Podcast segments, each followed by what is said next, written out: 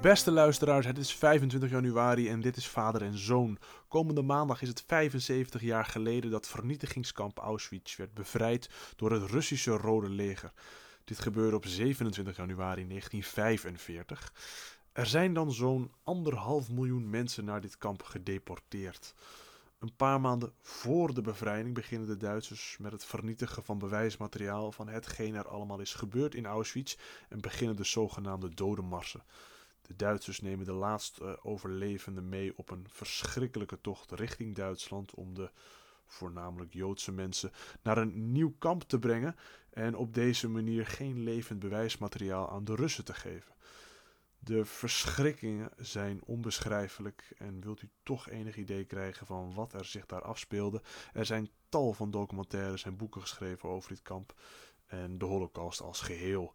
Kleine tip, ik heb het al eerder besproken in deze podcast. Ik raad het u aan om een keer te lezen. De tatoeëerder van Auschwitz over hoe het leven in Auschwitz ongeveer geweest moet zijn van schrijfster Heather Morris. Dik, zoals ik al zei, het is 75 jaar geleden dat het kamp werd bevrijd. Nu is er veel aandacht voor in de media voor die bevrijding. Uh, veel verhalen van overlevenden, die zijn er niet zo heel veel meer, maar die komen toch veel naar voren toe. Uh, er is veel aandacht voor het eindproces, hè, voor de definitieve oplossing, zoals de Duitsers dat noemden. Daar is veel aandacht voor. Maar wat, waarvan ik denk dat het heel belangrijk is, is dat we kijken naar het beginproces. Hoe ver heeft, hoe, hoe heeft het zo kunnen gebeuren? Hoe, heeft het, hoe is het begonnen? Hoe heeft het kunnen leiden tot Auschwitz? Daar moet het veel meer over gaan. En dat lees ik eigenlijk niet of nauwelijks in de krant. En zie ik ook niet zo veel op tv. Nee, de verschrikkingen hoor ik wel. Ja. Daar, daar ben ik het mee eens. Ja, je hoort het natuurlijk wel. En je zult het de komende dagen ook wel gaan horen. Hè. Toch een beetje het obligate van we moeten herinneren. En we moeten vooral ook eh, leren uit de geschiedenis. Dat zullen we iedere minuut wel eens een beetje horen. Leren uit de geschiedenis. Maar wat we dan precies moeten leren, dat blijft een beetje in het midden. Ehm, eh, buiten dan dat we niet mogen discrimineren en dergelijke. en dat we respect moeten hebben. Dat vooral, dat woord zal veel vallen. En daarvan denk ik, nou daar draait het hier niet om. Maar even los eh, van deze specifieke aspecten. Dit ben ik eh, geheel met je eens. En dat is iets waar ik ook wel zo'n nou, zo'n laatste 20, 30 jaar denk sterker. Ook sterker dan vroeger. Over nadenk van wat is, wat is er gebeurd? Hoe, hoe kunnen we Auschwitz de gebeurtenissen. Hoe, hoe kunnen we de massamoord, de genocide plaatsen in, uh, in de geschiedenis van de mensheid, in ons mens zijn, menswording? Hoe kunnen we dat, hoe kunnen we dat eh, nou verklaren als dat tot te verklaren valt? Dat is het, want het is door mensen gebeurd. Dus we moeten daar ook ideeën over durven en kunnen ontwikkelen. Dat is ook al wel gebeurd. Maar hoe kunnen we dit zien? Hoe kunnen we inderdaad de aanleiding tot de genocide? Hoe, hoe leg je dat uh, bijvoorbeeld in het middelbaar onderwijs, maar niet alleen daar? Hoe breng je daar die discussie op gang? Want dat zal een discussie moeten zijn. Dat, kan niet een eenduidig, eh, dat zal niet een eenduidig antwoord zijn. Uh, hoe kunnen we dit ons denken? Wat is hier gebeurd? Hoe komt het dat mensen menen mensen te moeten vermoorden, hele groepen mensen te moeten vermoorden? En dan ook nog, want dat is dan toch, dat is, dat is de paradox in het geheel. En dat is ook het probleem en het punt. Uh, ook nog menen het goede na te streven. We hebben in de vorige eeuw uh, meerdere pogingen gehad om bevolkingsgroepen uit te moorden, uit te roeien. Ja. Een definitieve oplossing uh, bloot te stellen aan een definitieve oplossing. Waarbij, en, uh, en dat is het pijnlijke, of dat is het zeer pijnlijke besef, en dat maakt het moeilijk en ook moeilijk grijpbaar. De daders meenden, dat geldt, dat geldt voor de Duitsers, dat geldt voor de Einsatzgroepen en de Duitse ideologie, de Hitleriaanse ideologie die meenden met de moord een betere wereld te kunnen bereiken. Want daar, dat, is het, dat is het punt. Hitler meende door de Joden te vermoorden een betere samenleving te kunnen bereiken. En in dit kader, en daar gaat het in deze podcast niet om, maar ik wil het toch vermelden. Uh, in de Sovjet-Unie gebeurt hetzelfde. Daar meende men door uh, bevolkingsgroepen te vermoorden, uit te, uit te roeien, ook een ook een vorm van eind, eindoplossing, eh, definitieve oplossing, eindlozing. Men meende daar ook uh, door massale moord uh, de betere wereld te kunnen een creëren. betere wereld te kunnen creëren, dichterbij te brengen. Waarbij dan de paradox is dat je denkt uh, dat dan het punt is: breng je een betere wereld dichterbij door mensen te vermoorden? Wij antwoorden: direct nee. Maar, ook daar zit alweer haken en ogen aan, want de bombardement op de Duitse steden, en nou ja, et cetera. Even los van deze, of niet los van, maar in het verlengde van deze bespiegeling. Ja, uh, de aandacht zou meer moeten zijn, alhoewel niet zozeer in deze dagen. Uh, want het gaat hier toch echt even om uh, het herinneren van de historische gebeurtenis. Maar, maar het meer over het, over het overkoepelend thema zou moeten zijn: hoe, hoe is dit ontstaan in eeuwen in eeuwige geschiedenis, in eeuwen ontwikkeling van het mens zijn, in het worden van wat wij zijn, in het worden, wat van ons, uh, in het worden van ons denken. Hoe is te begrijpen dat in de 20e eeuw, uh, nadat we toch al een paar eeuwen verlichting hebben meegemaakt, in ieder geval in West-Europa, uh, waarbij de reden op de troon is gezet en wij meenden rationeel te, alles te kunnen verklaren en op weg waren naar menswaardige samenlevingen.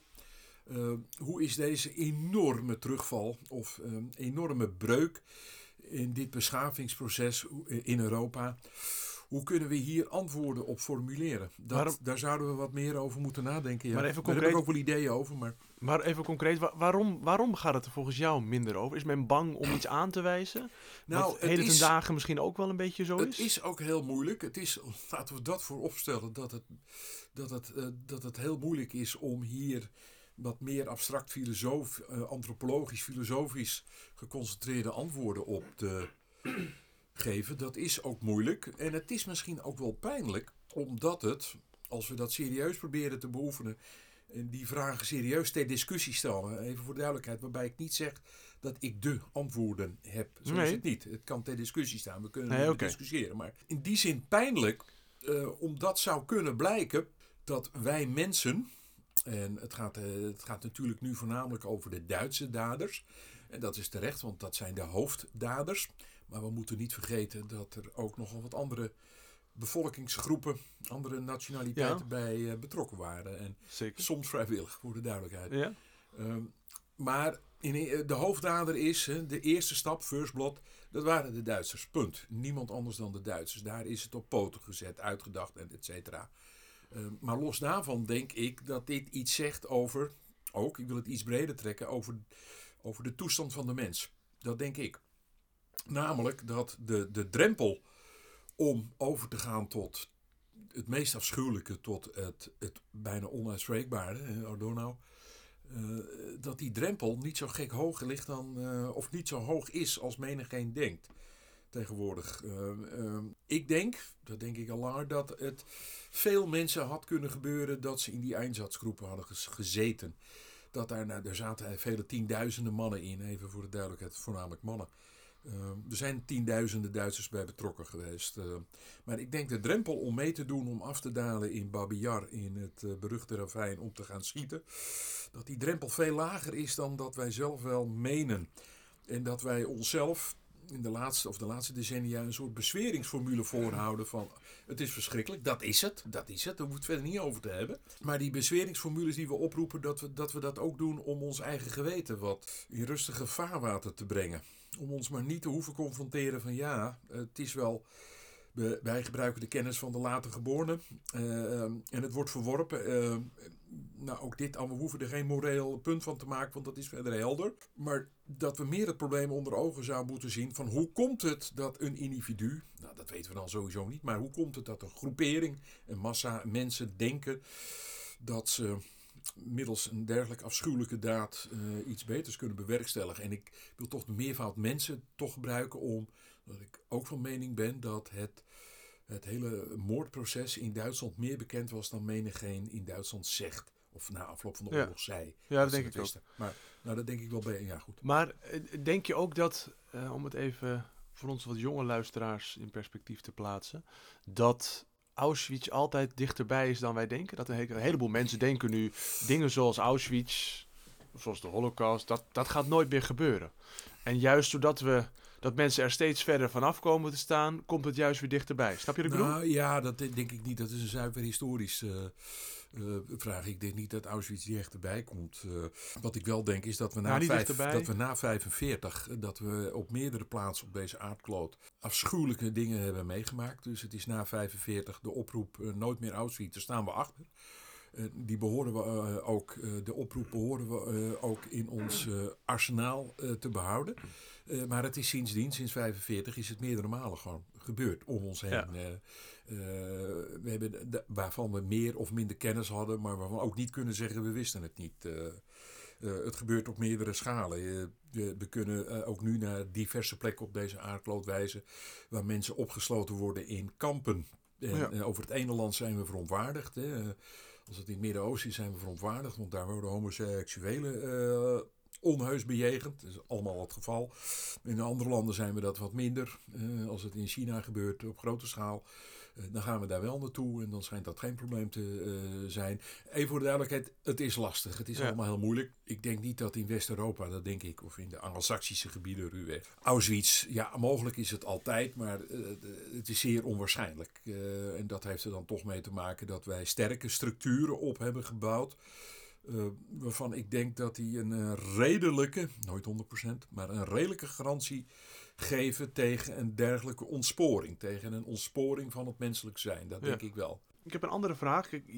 Je zei zelf al dat jullie hadden het er vroeger thuis met opa veel over Ja. aan de eettafel. En, en ehm, je had vroeger je koffertje al klaarstaan voor het geval je zou worden opgehaald en eventueel eh, worden meegenomen. Zo, zo leefde het thuis bij jullie. Ik had het al iets minder. Ik heb ook wel een spreekbeurt gegeven over Auschwitz of de Holocaust. Op de kleuterschool. Op de kleuterschool toen ik een jaar of vier was inderdaad. Maar geschreven door je vader, denk ik. Hè? Die, eh, Ja. Eh, maar wat ik me afvraag, dat voor mij leeft het al is een stuk minder dan voor jou. Eh, als ik ooit kinderen krijg, wat, wat ik natuurlijk niet weet, maar het zou zomaar kunnen dat het niet zo is. Dan hebben mijn kinderen, die hebben denk ik al nog weer een stuk minder bewustzijn over wat er zich heeft afgespeeld in Auschwitz, et cetera, et cetera. Oftewel, ehm, over 25 jaar maken wij nog steeds deze podcast. Dan herdenken we 100 jaar Auschwitz. Hoe staan, we, hoe staan we er dan in? En wordt het dan nog zo uitgebreid gedaan als dat het nu wordt gedaan? Nee, ik denk het niet. Ik denk dat de herinnering toch vervaagt. eh, en zal afnemen. Het zal nooit geheel verdwijnen. Dat, eh, lijkt me niet. Ik bedoel, in Nederland is er ook nog eh, 1600 slag bij. Nieuwpoort.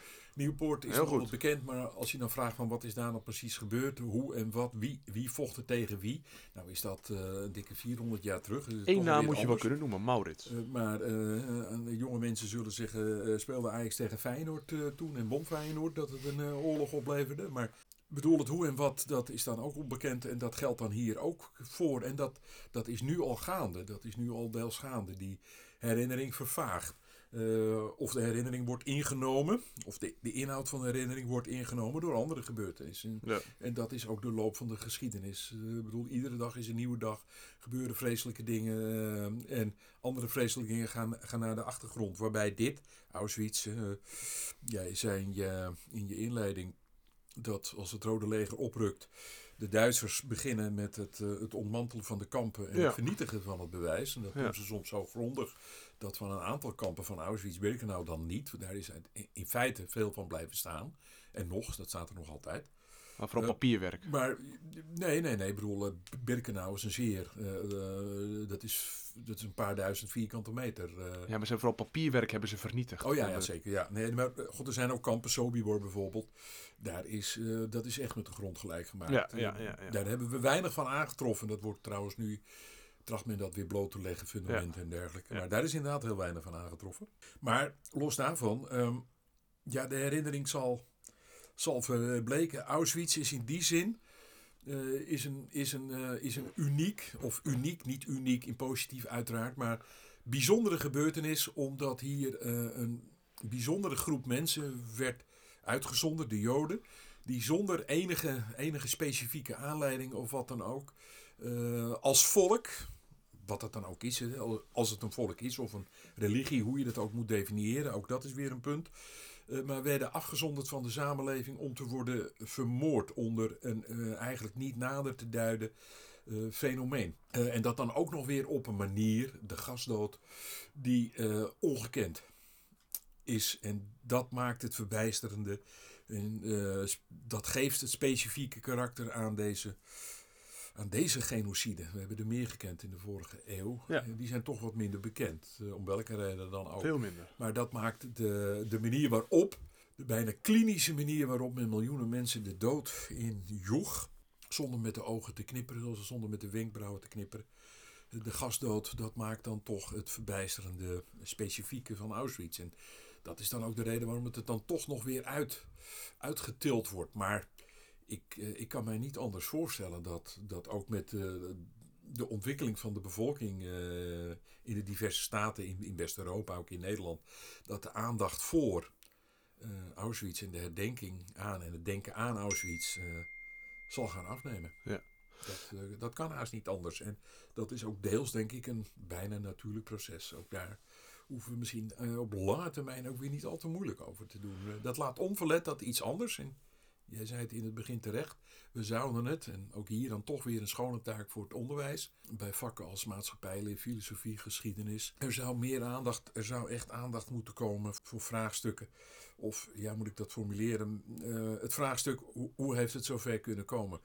Hoe komt het zover dat mensen menen andere mensen te moeten vermoorden? Ja, ik heb een... Uh, Politiek-ideologische redenen. Ik wil even afreizen naar Auschwitz zelf. Vandaag de dag en uh, de dagen dat jij er bent geweest in de jaren 80, als ik het goed zeg. 1980, ja.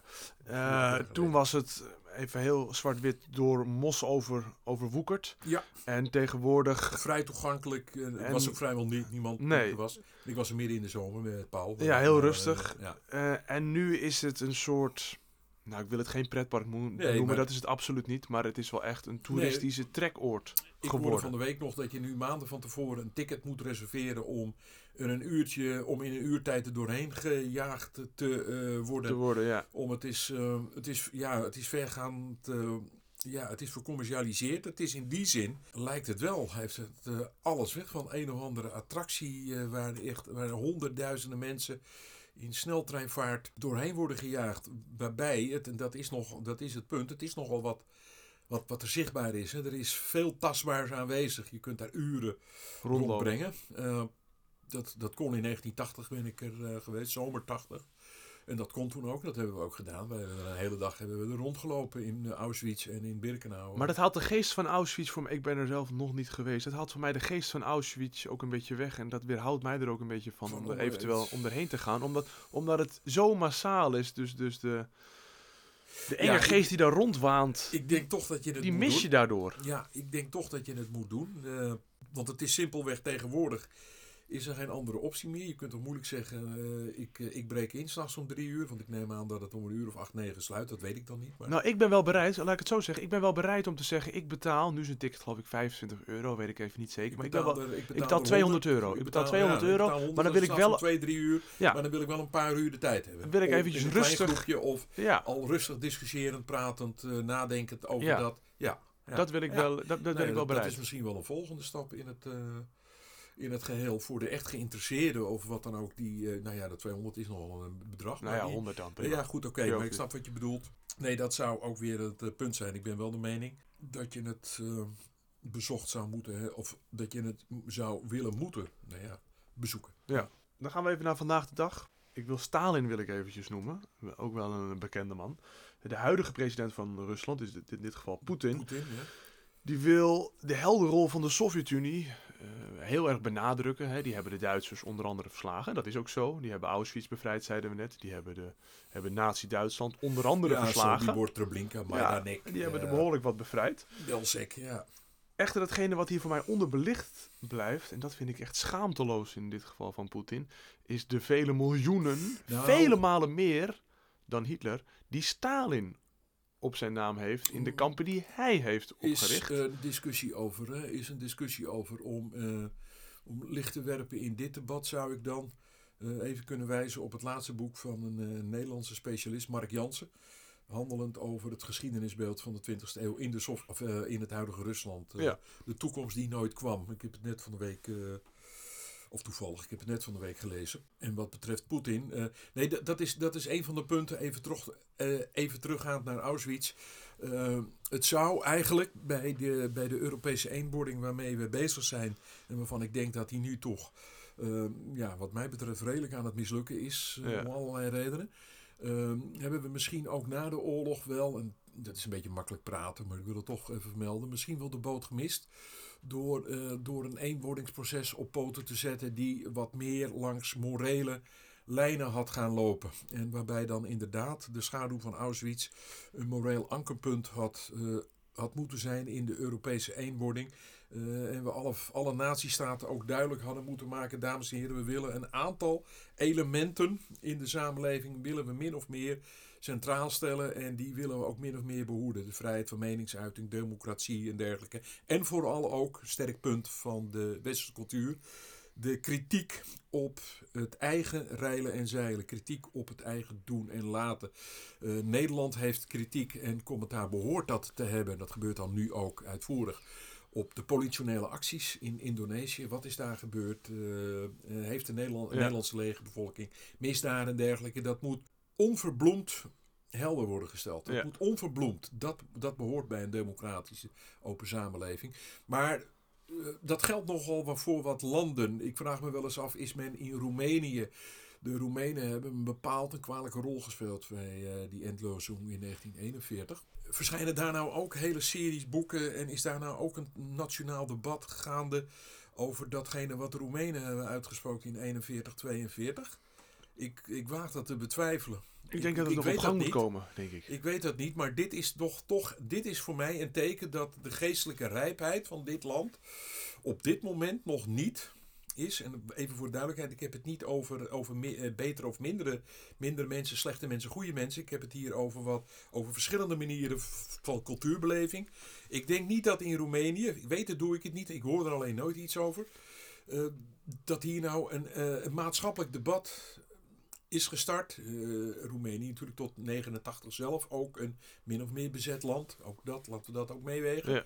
Maar is daar nu ook een maatschappelijk debat over, jongens? Nee, maar wat dat... onze rol nou in 41, 42, bij de aanval op de Sovjet-Unie bijvoorbeeld? Maar dat zeg ik dus. Roemenië meedeed en duizenden Joden heeft vermoord zonder maar dat ze opdracht kregen. Dat zeg ik dus, dat is in Rusland dus ook een stuk minder. Nou ja, dat is in Rusland. Nou ja, ik bedoel, je, je kunt van Poetin zeggen dat hij, hier, uh, dat hij hier twee wegen bewandelt. Uh, enerzijds heeft hij de afgelopen jaren wel degelijk herkend dat er het nodige fout is gegaan onder Stalin, met name dan onder Stalin. Lenin wordt dan toch weer uitgespaard. Of uh, het idee van het communisme wordt dan toch een beetje, beetje uitgespaard. Maar dat er, dat er veel fout is gegaan, dat wordt niet ontkend. Ook niet door Poetin. Uh, uh, en dat wordt ook wel onderwezen op scholen. Alleen, dat is dan wel het punt, de manier waarop, daar zou, daar zou ik dan wat vraagtekens bij zetten. En overal gezien, als je de, de hele geschiedenis neemt, dus vanaf 1917, 1989, 1991 dan, uh, ja, dan, dan, dan hebben we twee enorme ontsporingen gehad. Van, of twee civilisatiebreuken. Dat is natuurlijk de Duitse, de nazistische breuk door Hitler veroorzaakt. Uh, maar ook wel degelijk de breuk die door Lenin en Stalin worden veroorzaakt. En veel mensen zijn hier boos over omdat je dat niet op één lijn. Ik stel het niet op één lijn. Vergelijken betekent niet gelijkstellen, dat, dat is wat anders. Maar we hebben twee enorme breuken gehad, wat we daar verder ook over denken. En de ene breuk die eh, staat natuurlijk zeker deze week uh, en terecht volkomen in de belangstelling uh, en verdient alle aandacht. Dat is buiten, buiten kijf. Nogmaals, er zou meer aan moeten worden gedaan. Op scholen ook. Er moeten lezingen worden georganiseerd die ingaan op de vraag van hoe heeft het zover kunnen komen. En dan niet alleen het historisch verslag. Maar wat er in de Sovjet-Unie is gebeurd, uh, tientallen miljoenen, bedoel, ja. jij zegt meer dan, uh, dan Hitler, dat zijn allemaal hele heikele vragen. Ruwweg, ondergrens 10 miljoen, bovengrens 20 miljoen doden. Onder Stalin, hè? Onder Stalin. Dan hebben we alleen nog maar even niet mee. In de kamp heb je het dan over? Uh, ja, ja, tussen de 10 20 miljoen. ondergrens is 10 miljoen, schatting, hè? doden, Stalin. Vanaf de jaren 30. En dan, en dan hebben, we, hebben we nog niet de hongerdoden. Jawel, die zitten daarbij. Die maar daarbij. Oh, okay. uh, uh, het aardige is dat veel archieven zijn nog niet toegankelijk. Dat is ook weer het punt. Heel veel archieven die waren even toegankelijk onder, uh, onder Yeltsin. Die zijn weer gesloten. Er is nog veel onbekend, maar het debat ruwweg gaat nu tussen de specialisten. het wordt bediscussieerd. men tracht daar ideeën over te vormen. ondergrens 10, bovengrens 20 miljoen. Maar bij deze getallen de aantekening, we don't know. Ja, maar watgeen wat ik dus wil zeggen, dat geef je eigenlijk in dit geval ook aan. Het is een beetje hypocriet om te praten over de verschrikkingen van Auschwitz, hetgene Poetin doet, om met vervolgens in het achterhoofd te weten, jongen, wat er bij jou thuis gebeurde. Ja, ik denk dat het vele malen erger is. Dat denk ik echt. Dat het, dat het, dat, ja, dat, volg ik even. qua, qua aantal heb ik het dan over. Ja, qua aantal. qua aantal heb ik het dan ja, nee, qua aantallen, uh, even voor de duidelijkheid. Aantal miljoenen, ja. Eh, het is niet zo dat de gasdood door de Duitsers is eh, eh, bedacht.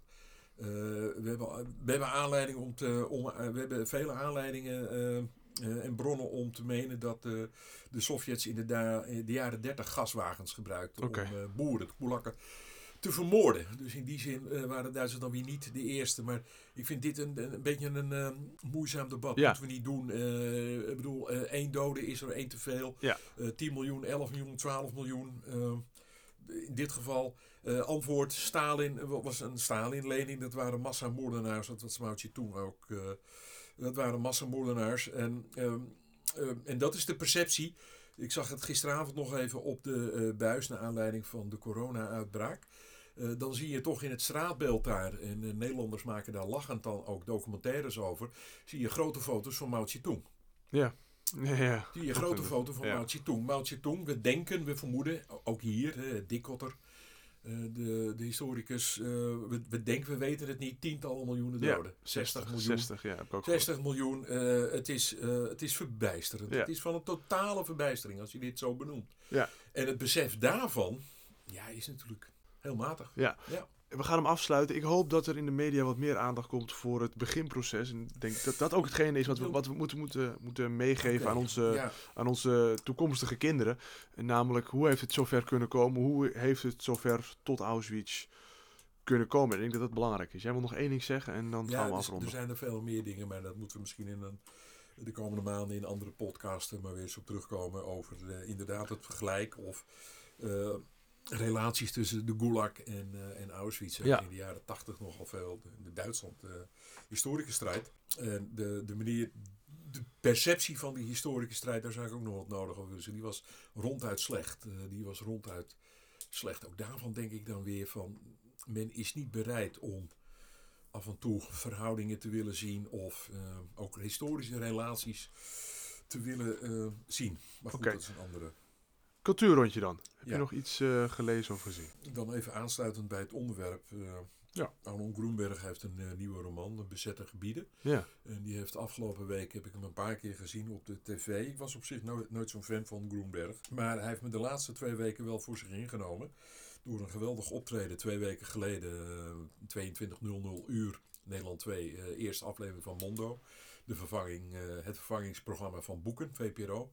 Waar hij een heel mooi optreden had. En eh, wat mij betreft, Bartenswaardige dingen. Zij, ik moet zeggen, ook als enige aan tafel. De anderen waren wat minder interessant. En hij was afgelopen woensdag eh, bij Op 1 te gast. Woensdagavond, Nederland 1, 22.00 uur. Eh, in een wat ook handelend over een boek. Door hem geredigeerd en samengesteld. Getiteld Bij ons in Auschwitz. Zo heet het boek. Dat kan ik weinig aan doen. Dat is de titel van het boek. Bij ons in Auschwitz. En dat is een verzameling teksten van allerlei historici schrijvers eh, die in Auschwitz hebben gezeten. Eh, dat is net op de markt gekomen. Hij vertelde daar eh, woensdagavond over. En ook dat vond ik, vond ik behartenswaardig wat deze man daar over te zeggen heeft. Het was in ene schoof hij enorm omhoog, omdat hij daar, wat mij betreft, eh, eh, wijze opmerkingen over had. En ik weet ook nu door wie ik dan een tekst of teksten zou samengesteld zien die voor het onderwijs eh, geschreven gaan worden. Met daarin de geschiedenis van het denken en dan ook daarin plaatsend de genocide. Dat gaat Ad Verbrugge doen in samenspraak met Arnon Groenberg. Ik heb ook iets gezien. In dit geval de film, ja, daar kan je niet omheen, 1917. Eh, film over de Eerste Wereldoorlog. Ze noemen het een one-shot film, oftewel het lijkt alsof de film in één keer is opgenomen zonder de camera stop te zetten. Dit is uiteraard niet het geval, maar het zorgt wel voor een unieke film. Je blijft constant bij dezelfde hoofdpersonages. Ik ben er zelf niet zo'n fan van. Ik vind het wat vervelend. Ik, ik zit opgesloten in die scène. Eh, een andere film, of normale films voor mij, als ik het zo kan zeggen. Daarbij kan ik switchen tussen scènes en dat vind ik toch prettiger. En het verhaal gaat daardoor wat sneller voor mijn gevoel.